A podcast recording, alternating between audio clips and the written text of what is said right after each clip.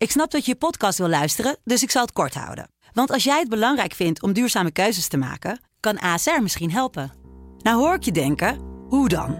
Nou, bijvoorbeeld bij het duurzaam herstellen van schade. Of de premies die we beleggen volgens ons duurzaam beleggingsbeleid. Dat bepaalt waar we wel en juist niet in investeren.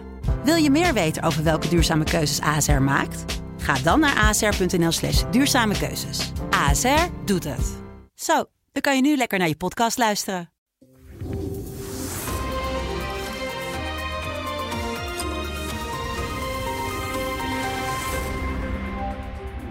Welkom uit het gesprek met Paul Jansen, de hoofdredacteur van de Telegraaf, waarmee we wekelijks doornemen wat hem bezighoudt in het nieuws.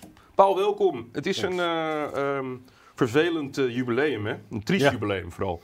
Het is een jaar geleden dat eh, de oorlog in Oekraïne begon, eh, dat eh, Rusland besloot het buurland binnen te trekken. Waarvan we eigenlijk allemaal een beetje dachten dat gaat niet gebeuren.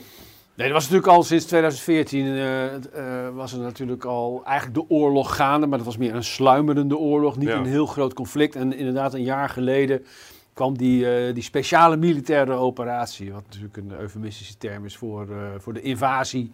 Die, de massale troepen die toen Oekraïne binnentrokken. In, in de veronderstelling dat het een walkover zou zijn. Ja, dat, ja. dat de Russen De supermacht Rusland. ja, Dat, die, die zou wel even binnen, binnen no time naar Kiev eh, oprukken. En je herinnert je wel die, die, die wat was het, 60 kilometer eh, lange dat, dat konvooi. Die konden Wat- niet links en rechts de Ja, dat, stond eh, helemaal vast. Maar ik herinner me toch vooral ook dat, dat in die eerste dagen en de eerste weken... dat het inderdaad op, op een eh, overrompeling leek te worden. En in het Westen heel veel zorgen ook waren... Naast natuurlijk in Oekraïne zelf, maar in het Westen heel veel zorgen waren dat er, dat er een soort domino-theorie zou komen. Hè? En, en eh, de Oekraïne was dan de eerste stap waarmee Rusland de invloedssfeer zou willen herstellen. Daarna zou Moldavië volgen, de Baltische Staten en wie weet eh, ook nog, eh, nog richting Polen, wat natuurlijk Ja. naast Baltische Staten een, een NAVO, NAVO-lid is. Dus er was heel veel zorg en, en, in het Westen en ook heel veel ja, toch wel eh, be- bemoeienis om te zorgen dat Rusland eigenlijk in de Oekraïnse blubber zou vastlopen, zodat die oorlogsmachine eh, daar zou eindigen, niet het begin zou zijn van een, een breder conflict. Ehm, en als we nu kijken een jaar later, dan moeten we ehm, constateren dat, dat, hoe triest het ook is, dat die Russische oorlogsmachine inderdaad in de Oekraïnse blubber is vastgelopen. Ja. Eh, het is zeker geen overrompelende overwinning geworden en, en niemand weet waar het heen gaat. Er hing eh, afgelopen jaar toch ook wel, laten we dat niet vergeten, de dreiging van een escalatie, ofwel een directe confrontatie met de NAVO, ofwel dat, dat hè, de, de nucleaire optie gebruikt zou worden. Ja, ja. Eh, en we moeten nu vaststellen na, na dat eerste jaar, en ik vrees dat het einde van, van het conflict nog niet in zicht is, dat dat allemaal niet gebeurd is. En tegelijkertijd, ik zat vandaag in, eh, op Reuters, houdt die overzichten bij. ja. Ehm, die meldt eh, 350 miljard schade. Die heeft het over 42.000 doden. Ehm, maar goed, aan, aan, aan, eh, er zijn heel veel berichten over dat het aantal slachtoffers, militaire slachtoffers aan beide kanten, Ja. inmiddels de 100.000 is overstegen. 15.000 vermisten.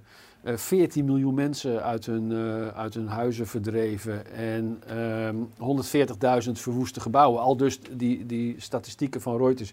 Ja, en dan denk je, eh, een jaar deze oorlog, dat eh, heeft een eh, enorme, enorme tol eh, geëist van eh, burgers uit beide landen, van, van eh, militairen. eh, even los nog van de, de economische schade, Ja. die zelfs wij hier in het Westen voelen. Dus het is, het is een, een, een triest, triest gegeven dat Ja. die oorlog, die toch wel uitzichtloos lijkt te worden, en er wordt nu gesproken over een lenteoffensief, zowel van Russische zijde. Westen stuurt steeds meer wapens en steeds Ja. meer zwaardere wapens daarheen. Rutte om... is ook naar uh, bliksembezoek. Ja, die is, eh, die is op bezoek. Nou, dat zal niet alleen zijn om eh, een schouderklopje te geven, Nee. maar... eh, Zelensky wil maar één ding. Ja, die, nog meer wapens. die wil nog meer wapens en we zijn tegenwoordig al wapens aan het geven die we eigenlijk zelf niet eens meer bezitten. Nee, nee. dus eh, dat, dat zegt ook al wat. Maar ehm, ja, ik vind het zorgelijk dat kennelijk de, de enige taal die daar gesproken kan worden nog steeds eh, eh, oorlogstaal is en, het, het- en, de, en de wapens laten Ja. kletteren. En je zou toch hopen op enig moment, gezien het verschrikkelijke leed wat daar in Oekraïne wordt aangericht, eh, eh, dat daar ehm, op een gegeven moment een, een onderhandeling zou kunnen komen om het geweld te staken. Alleen ja, Maar, Oekraïne... maar, maar dat is zo'n handvraag die jij nu stelt, hè? Of, of iets wat jij oproept nu. Want kun je. We, we weten eigenlijk dat Poetin, die leek eigenlijk ooit een beetje een sluwe vos. Maar ondertussen weten we, het is een kaart, de politie staat daar. eh, Een dictatuur. Het is weer een nieuwe. Een, een- bijna een nieuwe Stalin, mag ik bijna zeggen. Met zijn trein waarmee hij zich ook verplaatst. Kun je je veroorloven dat hij het gevoel heeft dat hij een overwinning heeft behaald? Ik vind Stalin, Poetin met Stalin vergelijken, vind ik wel mank gaan. Eh, Stalin was Klopt, echt dat was een massamoordenaar. massamoordenaar. Ja. Hij heeft ge- echt genocide gepleegd. Eh, Poetin is niet misselijk. De, het, het, het sinistere gegeven dat er steeds weer...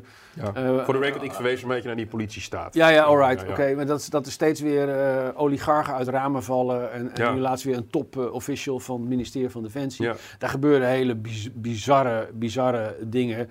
Eh, kijk, Oekraïne zegt terecht, de enige weg naar vrede is als de Russen zich helemaal terugtrekken. Eh, Dus ook uit de gebieden die ze eigenlijk sinds 2014 al bezet houden en die, die geannexeerd zijn. Ja. eh, of onafhankelijk zijn verklaard, zoals de Russen zouden willen doen voorkomen.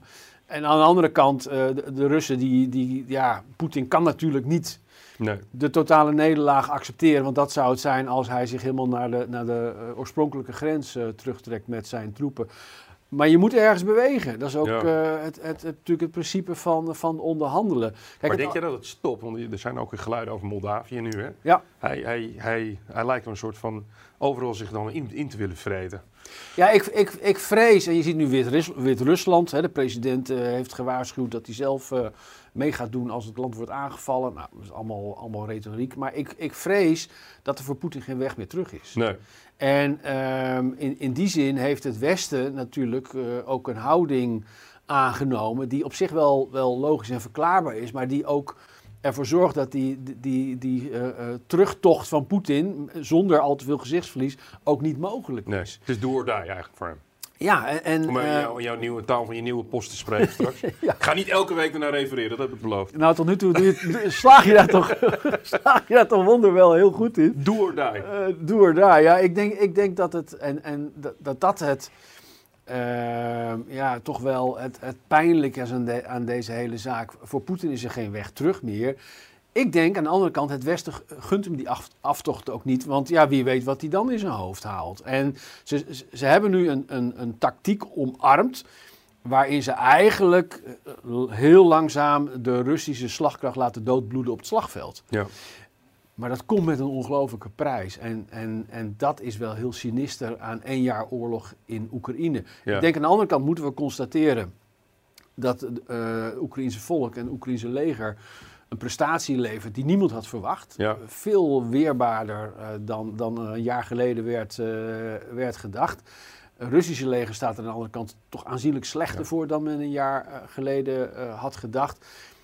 Maar het conflict is tot nu toe, hoewel het nu toe op, op de grond althans zich beperkt heeft tot, tot een regionale oorlog, Ja. hangt er nog steeds het risico over dat het, dat het breder kan worden en, en dat we in een veel breder groter conflict worden gezo- gezogen. Dus eh, eh, ja, ik zie eigenlijk eh, na één jaar alleen maar leed, ellende en, en verlies. Er valt hier niks te vieren of trots op te zijn, want het is denk ik voor alle partijen een, eh, een, eh, een triest jubileum.